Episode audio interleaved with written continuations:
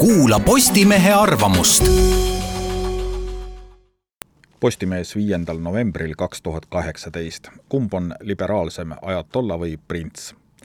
täna pärast mitmes järgus tehtud hoiatusi taas kehtestab USA sanktsioonid Iraani ohjeldamiseks ja laiendab neid ameeriklaste nõudmine on, et Teheran lõpetaks oma raketiprogrammi, teistes riikides tegutsevate terroristlike organisatsioonide rahastamise ja relvastamise ning muudaks välispoliitikat. Euroopa Liidu lähenemine on aga siiani truu niinimetatud Iraani tuumaleppele, mille sõlmisid Iraaniga kahe tuhande viieteistkümnenda aasta sügisel USA, Saksamaa, Suurbritannia, Prantsusmaa, Hiina ja Venemaa. selle eesmärk oli kindlustada, et Iraan ei arenda tuumarelva ning vastutasuks loobuti varem kehtestatud sanktsioonidest. Kumma lähenemine Iraanile on õige, kas USA või Euroopa Liidu oma?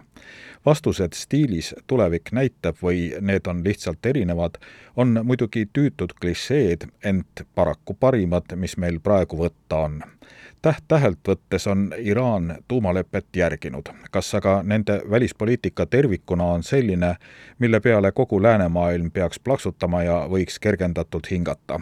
Muidugi ei ole.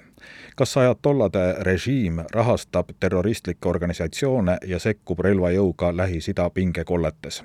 jah tuumalepe esindas parem varblane peos kui tuvi katusel mõtteviisi, parem välistada, et ajatollad saavad tuumarelva, kui et jääda ootama näiteks režiimi muutust Teheranis.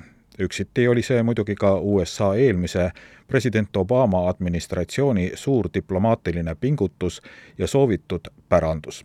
Trumpi administratsioon vaatab asjale teisiti, uskudes, et väga tugevalt survet avaldades on võimalik saada ka väga vaenulikud režiimid uuesti läbirääkimiste laua taha, kaubelda seal välja paremad tingimused ning lõppkokkuvõttes muuta nende režiimide käitumist või samuti tervitatava variandina kutsuda esile võimuvahetus paraku ei ole võtta ühte ja kindlat teaduslikult tõestatud vastust, kas Iraani suhtes ja kõigile Lähis-Ida umbsõlmedele mõeldes töötab paremini nii-öelda trumpilik või obamalik lähenemine.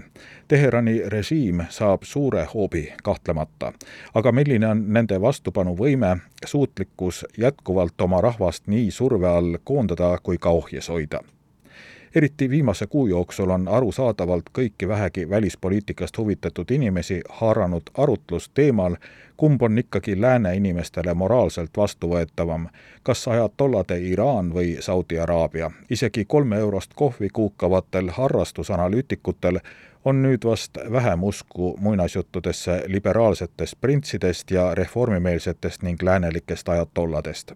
samad moraalidilemmad vaevavad ilmselt ka neid, kes tegelikult vaba maailma pealinnades välispoliitikat kujundavad.